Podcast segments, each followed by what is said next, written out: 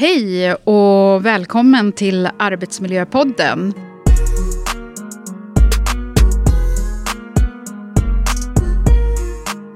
Vi har ju alla kommit tillbaka från en härlig och skön semester förhoppningsvis. Och nu så drar vi också igång med höstens alla nya avsnitt. Eh, I dagens avsnitt så har jag bjudit in två gäster. Simon och Max ifrån eh, Row Group AB. Och de ska få presentera sig själva om en liten stund. Det vi ska prata om det är vikten av god arbetsmiljö och varför nystartade unga bolag har nytta av att ha exempelvis bra policies och rutiner på plats. När det kommer till just arbetsmiljöförhållanden men också anställningar och medarbetare med mera. Eh, Simon, välkommen. Du heter Simon Jansson och ja, eh, du är en av grundarna till, till Row Group AB. Precis. Vad gör Row och varför startar du Row? Och hur länge har ni funnits? Yes. Um, ja, som sagt, medgrundare här på Row. Vi har nu varit aktiva i tre år, faktiskt på månaden. Uh, Row Group, eh, eller Row, står för Results Only Work Environment. Vi är ett säljbolag, men vi har valt att göra det lite annorlunda. Uh, Row-konceptet är egentligen baserat på att man egentligen blir belönad för arbetet och uh, egentligen det man producerar snarare än timmarna man lägger ner. Så vad det innebär i praktiken är att alla säljare hos oss har möjligheten att fritt förlägga sin arbete och sin tid så länge man levererar sina resultat. Och bolaget startades tillsammans med min medgrundare Amin Mas. Ja, det är ju jättehäftigt. Eh, Max Eriksson, välkommen till dig. Yes. Och vad gör du på Row Group? Eh, tack för att jag fick komma. Eh, jag kom in för ungefär ett år sedan nu och har varit med och drivit deras säljavdelning fram tills det att jag nyligen för cirka tre månader sedan tog steget ut för att starta igång en ny verksamhet där vi arbetar med solpaneler och heter Solar Choice AB. Så det är där vi står idag. Och då använder ni er utav Rose eh, säljare exempelvis? Um, tanken är så småningom då när vi har skalat upp bolaget att Row kommer verka som en rekryteringskanal. Där okay. de som är villiga att ta sig an en lite mer seriös roll och uh, gå tillbaka till lite mer vanliga 9-5 upplägget kommer få möjlighet att arbeta med. Häftigt. Hörni, ni är ganska unga båda två. Eh, jag vet att ni är runt 25-årsåldern. Och Simon, du som drog igång det här bolaget. Mm. Eh, jag har ju också förstått att ni har haft en del utmaningar. Vad har varit det svåraste mm. egentligen? Som, som ledare i ett eh, relativt ungt mm. bolag. För ni är ganska många. Ni, det fluktuerar Precis. ju någonstans mellan 20 till 40 personer. Va?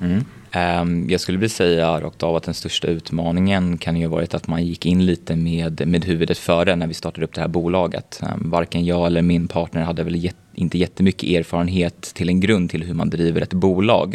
Uh, men vi fick mycket hjälp i början. Men jag skulle vilja säga att uh, över den tiden som har gått så skulle jag säga framförallt egentligen avtalsstruktur och personalhantering har varit de största, ska man säga, problemen eller det svåraste mm. att arbeta med. För personal är ju, det är ju inte bara att man ger dem fria händer. För, för, för det berättade ju om Row-konceptet. Mm, och jag tänker så här, Row-konceptet. Ja. Hur kom ni över det? Um, så hur Row-konceptet kom upp från första början var väl egentligen att både jag och min partner har ju haft sedan längre tid tillbaka väldigt mycket erfarenhet av just säljbranschen. Vi har sålt många olika produkter, varit på olika typer av bolag. Um, men vi märkte väl ganska tidigt att många bolag är väldigt nischade på ett väldigt, ska man säga, fyrkantigt sätt att arbeta på. Det är en väldigt klassisk 9 5, det är dina fasta raster, fast lunch och så vidare. Och det vi ofta märkte var var att många av våra toppsäljare som vi har haft under tiden på de här bolagen har oftast lite saker som är kanske lite speciella, att man kanske har svårt att komma i tid eller har lätt att tänja på lite olika gränser. Så syftet med Row var att vi ville skapa en, ett, ska man säga, en plattform, ett utrymme där vi inte vill begränsa eh, säljarnas egentligen möjlighet till att kunna prestera lite mer anpassat till deras villkor.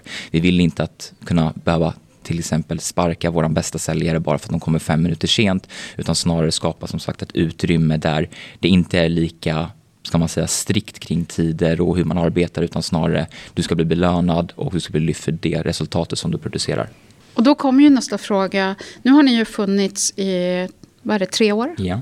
Under de här tre åren, vilka har varit de absolut största utmaningarna? Max, du har ju varit med det sista året mm. här. Mm. Mm. Hur, hur, har de största, vad, vad, är den största utmaningen? För du nämnde ju också det här med personal. Mm. Och eh, hur har arbetsmiljön eh, liksom påverkats? Ehm, jag skulle säga att när det är kopplat till, konceptet kopplat till personalen har ju det varit att här, konceptet är byggt på att man får frihet under ansvar. Ehm, men som man säkert kan förstå så är det ju ja, de som verkligen passar in i det här fria presterar väldigt, väldigt bra och ser det här verkligen som en möjlighet att kunna tjäna bra pengar men också frigöra tid till att göra mycket annat bra. Men tyvärr så är det ju så att alla personer är inte, ska man säga, eh, rätt man för jobbet utan det här är ju också friheten som kan ibland stiga en lite över huvudet. Och det här är någonting som vi under åren har sett first hand att många personer kommer in och ser det här mer som en fritidsgård. Att jag kommer in och jag jobbar lite när som helst. Mina resultat betyder inte jättemycket. Eh, men i och med att vi då har gett den friheten så är det väldigt sen svårt att reglera när man har personer som tar för sig lite för mycket. Mm. Max, du sitter ju som en av cheferna. Mm. Eh, vad är din största utmaning som chef och ledare? Um, när det kommer till det här nya konceptet där vi försöker vara lite revolutionerande så, så handlar väldigt mångt och mycket om att när det går bra så går det oftast väldigt bra. Folk uppskattar det och de tar vara på det och jag tror att många också mår bra av det i sin helhet. Ehm, de stora problemen fram, framkommer väl när det inte går bra längre och man inte har samma typ av avtalsstruktur eller ramverk för att kunna hantera diverse olika situationer och problem. Och det är då som man också märker hur viktigt det är att kunna ha en bra grund att stå på för att också kunna ha en professionell dialog med våra anställda. Vilket det ibland kan leda till att man inte hamnar i på grund av att vi inte haft lika bra koll på hur vi ska lägga upp och forma det här arbetssättet. Mm. För någonstans är det ju så här att eh, ni, har, ni har ju ändå ganska många anställda som arbetar. Och har ni märkt att exempelvis eh, arbetsmiljön påverkas av enskilda individer? Eh, för någonstans så, så, har jag ju förstått när vi har diskuterat eh, lite innan vi träffades så här att mm. det har ju varit lite utmanande just att ha som du sa, frihet under mm. ansvar. Men mm. vad betyder det egentligen och hur påverkar det andra? Mm. Eh, jag skulle vilja säga att i, i, praktiken som sagt när det är väldigt fritt, för det man, det man vet från säljbranschen är ju, och det som väldigt många säger är att okay, men vad är det som får dig att prestera bäst på en arbetsplats? Jo, men, eh, eller framförallt på en arbetsplats som jobbar med försäljning, jo men det är när det är högt tryck, det är när det är många som sitter och ringer samtidigt, det är när det är högljutt och säljigt, nästan lite Wolf of Wall Street-aktigt. Mm. Men det vi också då har sett liksom, med konceptet är att ja, men, när allting går bra, folk är på plats och folk kör, ja, men då är det precis den nivån som vi träffar. Men som sagt, som Max sa det, så fort det börjar då dippa lite eller man har en person som är frånvarande eller vad det nu kan vara, då blir det väldigt, väldigt mycket svårare att uppnå den nivån när man kanske bara är tre, fyra personer på ett arbetspass. För råkonceptet som sagt, du får lägga upp din arbetsdag precis som du vill. Och det är ju en väldigt stor skillnad att sitta där som säljare på golvet när du sitter med 20 andra personer kontra att okej, okay, men på förmiddagen då var det du och tre andra, på eftermiddagen så är det två som har gått och så kommer du in om en annan timme. Det kom, man kommer aldrig någonsin riktigt in i det här flowet som jag tror är nyckeln nyckel till att en avdelning ska vara fullt funktionell inom den här branschen. Mm.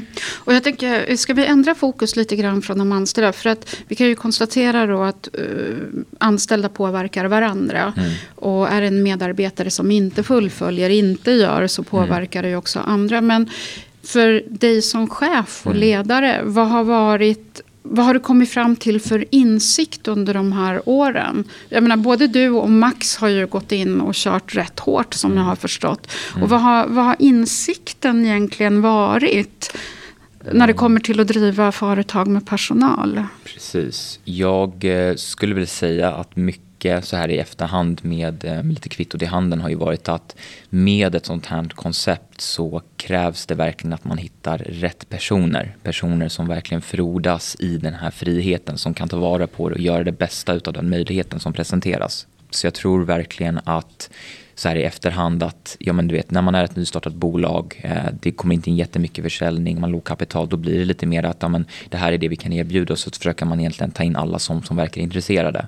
Men så här i efterhand så tror jag verkligen, och det är någonting som vi har jobbat väldigt, väldigt mycket på senaste tiden, att vi är väldigt, väldigt mycket mer ska man säga, utförliga i vår rekryteringsprocess. Att vi är väldigt, väldigt måna om vilka personer vi väljer att anställa. Det är mycket olika typer av tester, det är mycket olika typer av intervjuer för att säkerställa att det här verkligen är en person som kan frodas i den här friheten.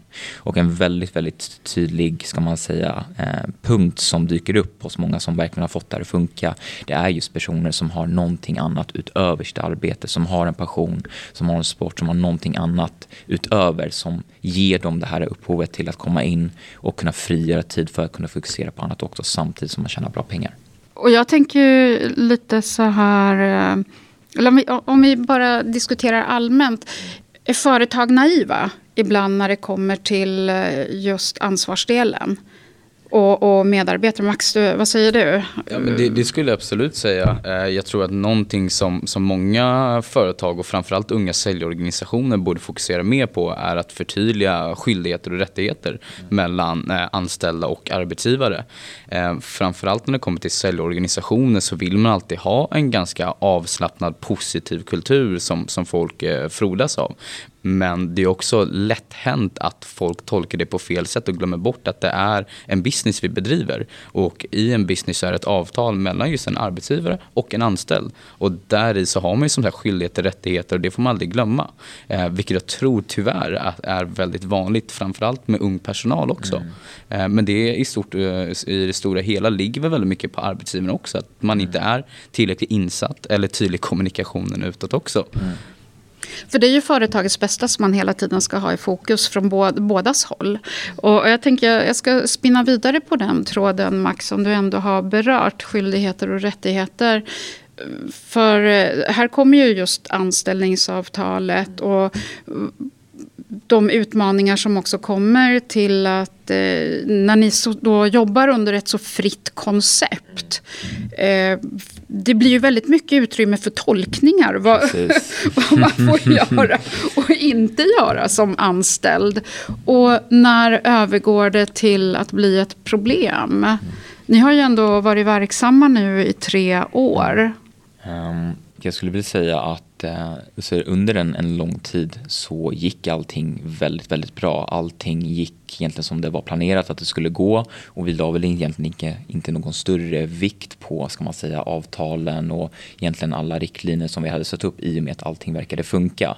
Men allting funkar ju så länge tills det inte slutar fungera helt enkelt. Eh, och det var väl ganska då vi märkte, precis som du nämnde Milla, att när det börjar gå över den här gränsen, när, det plötsligt då, när vi plötsligt ska luta oss tillbaka till ett avtal som är väldigt, väldigt öppet för att kunna tolka det på olika sätt.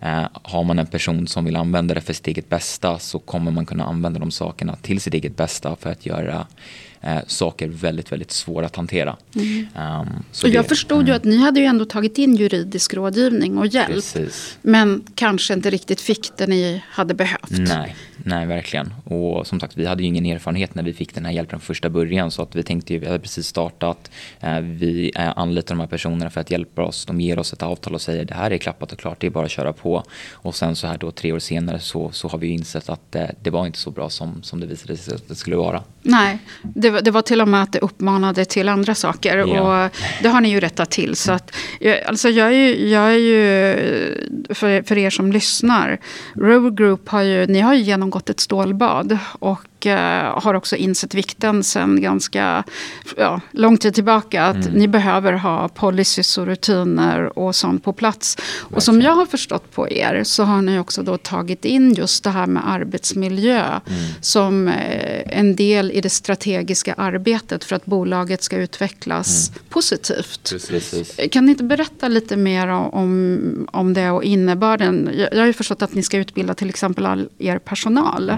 Um, nej men precis, jag, jag tror verkligen att så här, på senare tiden, vi är ju lite, nu har ju varit ett mellanläge så här efter sommaren där eh, vi har haft lite personer som har varit på väg ut, som, som har slutat, vi har nya personer på väg in, vi har bytt lokal. Så med allting som har hänt de senaste månaderna så har vi också känt som, som att vi har kommit till en punkt där okej okay, men nu har vi möjligheten lite att starta om lite från, från scratch så att säga. Och det här ger oss en väldigt stor möjlighet att egentligen som klyschiska, så att säga, att göra om och göra rätt helt enkelt. Och med allting som man har lärt sig nu de senaste månaderna så ser vi ju hur stor vikt det ligger i att ha och kunna luta sig tillbaka både som medarbetare men också som, som ledare av det här bolaget. Att kunna luta sig tillbaka, ha bra genomförliga avtal som någonstans ger riktning och framförallt ger tydlighet i hur man ska arbeta, än en gång vilka skyldigheter och vilka rättigheter som man har. Och det tror jag har varit en av våra största brister där, just den här tydligheten. För det är just den här otydligheten som har varit som också har lett till de konflikter som har uppstått. Mm. Och jag tror även också, som framförallt i startupbolag men företag i sig, så vill man alltid kunna ha fokus på rätt saker. Mm. De viktigaste åren är väldigt viktiga för, för bolagets framtid. Eh, och där märker man också hur den här typen av situationer dels dränerar på, på eh, energi, mm. eh, resurser men även pengar som man i, i en uppstartsfas hellre spenderar på annat. Mm. Och eh, här har man ju fått lära sig den hårda vägen men därför är det också väldigt viktigt att vi märker nu i efterhand hur mycket det här kommer gynna oss mm. framöver. Och jag tror att det är många bolag som glömmer bort att prioritera de här delarna vilket gör att de hamnar förmodligen i samma situation som vi har hamnat i. Mm. Tror ni också att det kan vara lite så här att när man startar ett bolag så tar man lite lätt på det här att ha tydlighet i, i policies mm. och rutiner och avtalsstrukturer mm. och så. Att man, att man tar det lite grann som att ja, ja, det där tar vi sen. Just mm. nu så rock'n'rollar vi. Max, vad säger du? du... Eh, nej, men jag, jag, tror att många unga nystartade bolag fokuserar väldigt mycket på att få igång verksamheten. Eh, vilket gör att försäljningssiffrorna eller produkten är det som ofta kommer i första hand. Och det här blir väldigt sekundärt.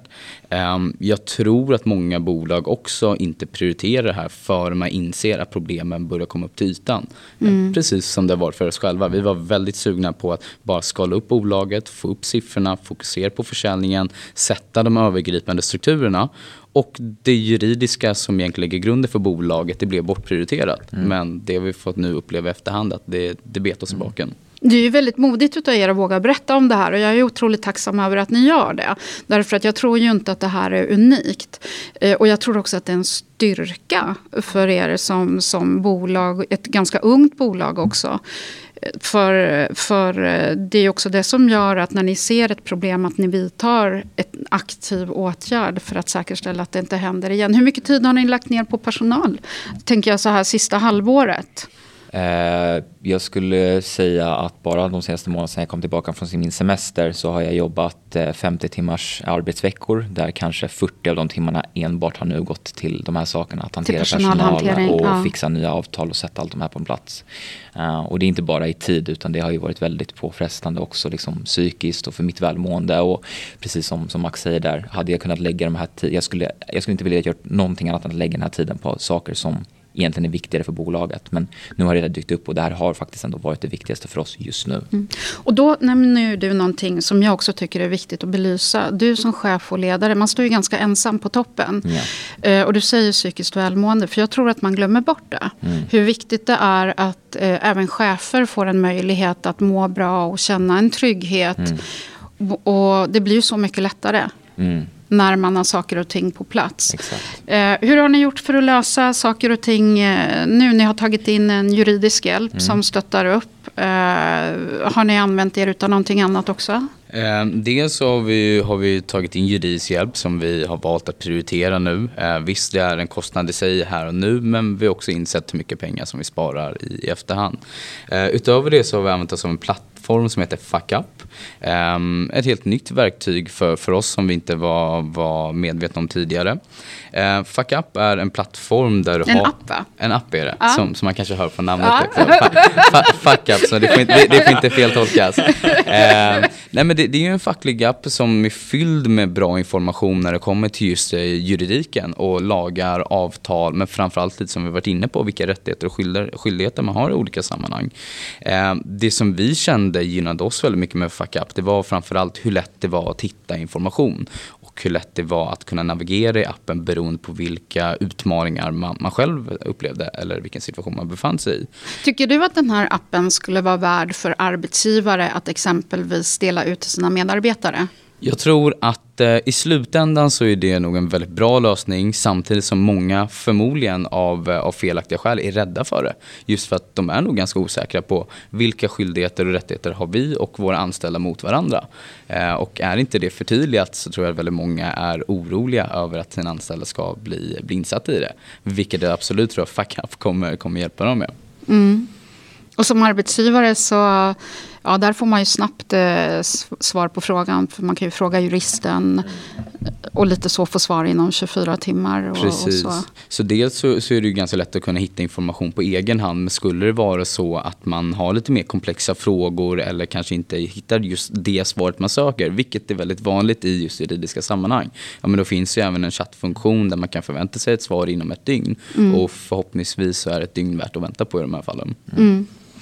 Eh, för, för er lyssnare som eh, inte riktigt känner till FACAP så är FACAP en eh, digital rådgivare och guide inom just arbetsrätt och arbetsmiljörätt. Och där kan man då hitta checklister och lagar förklarade på ett enkelt sätt. Och framförallt så finns också mallar bifogade. Och jag vet ju att ni har ju använt er utav den. Och eh, förhoppningsvis så har det lyckats lösa lite problem. Och den är ju inte speciellt eh, dyr heller. Den är ju faktiskt kostnadsfri ett tag framöver. Vilket också är bra. Men jag tänker så här eh, för arbetsgivare. Nu har ni ju gått igenom det här stålbadet. Ni har varit verksamma i tre år. Vilka är de största lärdomarna som ni har tagit med er? Och som ni ska liksom driva vidare här? Jag, tror att eh, det är lätt att vara optimistisk i början av en resa. Eh, det är lätt att vara optimistisk innan du egentligen har stött på några större utmaningar.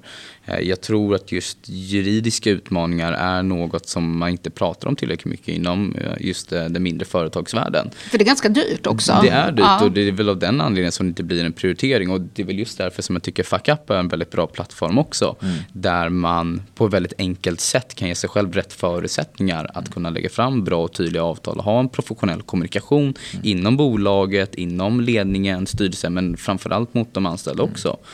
Men jag tror att de, de, de, största insikterna vi fått under den här resan, det är väl just framförallt att det är farligt att vara optimistisk. Man ska ha en hög tro på det man gör. Men jag tror att eh, i slutändan så kommer resan bli så mycket lättare om det också är lite mer realistisk i vad som kan ske. Mm.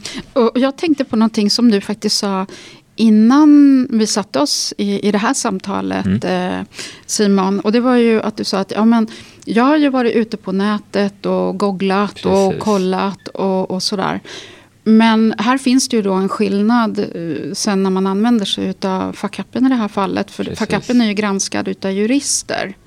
Och det är ju någonting som du nämnde att ja men jag har ju läst på nätet och sen visade det sig att det saknades vissa ingredienser. Precis, nej men det, det har du helt rätt i. Eh, jag har ju suttit eh, maniskt sen allt det här egentligen drog igång och du vet försökt att läsa på eh, och det finns ju liksom man kan googla på olika saker och ibland så kommer det upp liksom till en lag, ibland är det på så här forum där det är jurister som har svarat i olika scenarion och här blir det ju väldigt snabbt att man måste bli, man måste vara ganska källkritisk, speciellt med tanke på att jag nu så här i efterhand också vet att de som hjälpte oss initiellt inte kunde leverera den produkten som vi var ute efter. Och det har gjort att man blir eh, framförallt eh, lite skeptisk av det man läser. Så jag skulle ju säga att bara nu kunna ha den tryggheten i att på riktigt veta att den här appen som jag använder faktiskt kan ge mig saker som är så kallat på riktigt. Att jag vet att jag kan luta till mig tillbaka till det som faktiskt står. Det har gett mig en otrolig sinnesro också att veta att det jag läser om och det som jag sen presenterar till eh, mina kollegor eller till anställda när det kommer till sådana här typer av liksom, intriger. Att jag vet att jag med säkerhet kan stå bakom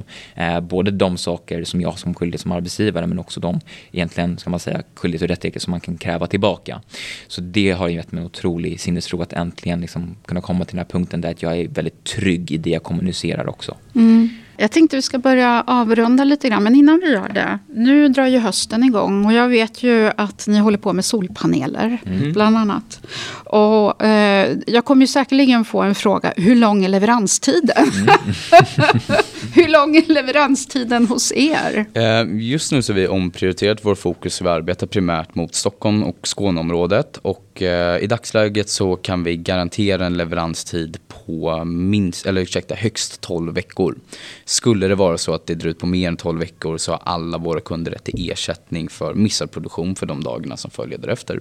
Det är ju rätt häftigt. Ja. Och då förstår jag att ni jobbar ganska eh, intensivt och eh, strukturerat. Vi, vi, ser det som en väldigt bra timing i marknaden just nu där efterfrågan egentligen är större än vad det någonsin varit och även om utbudet skalas upp jämt och ständigt med nya konkurrenter så, så verkar det vara så att marknaden blir aldrig riktigt mättad.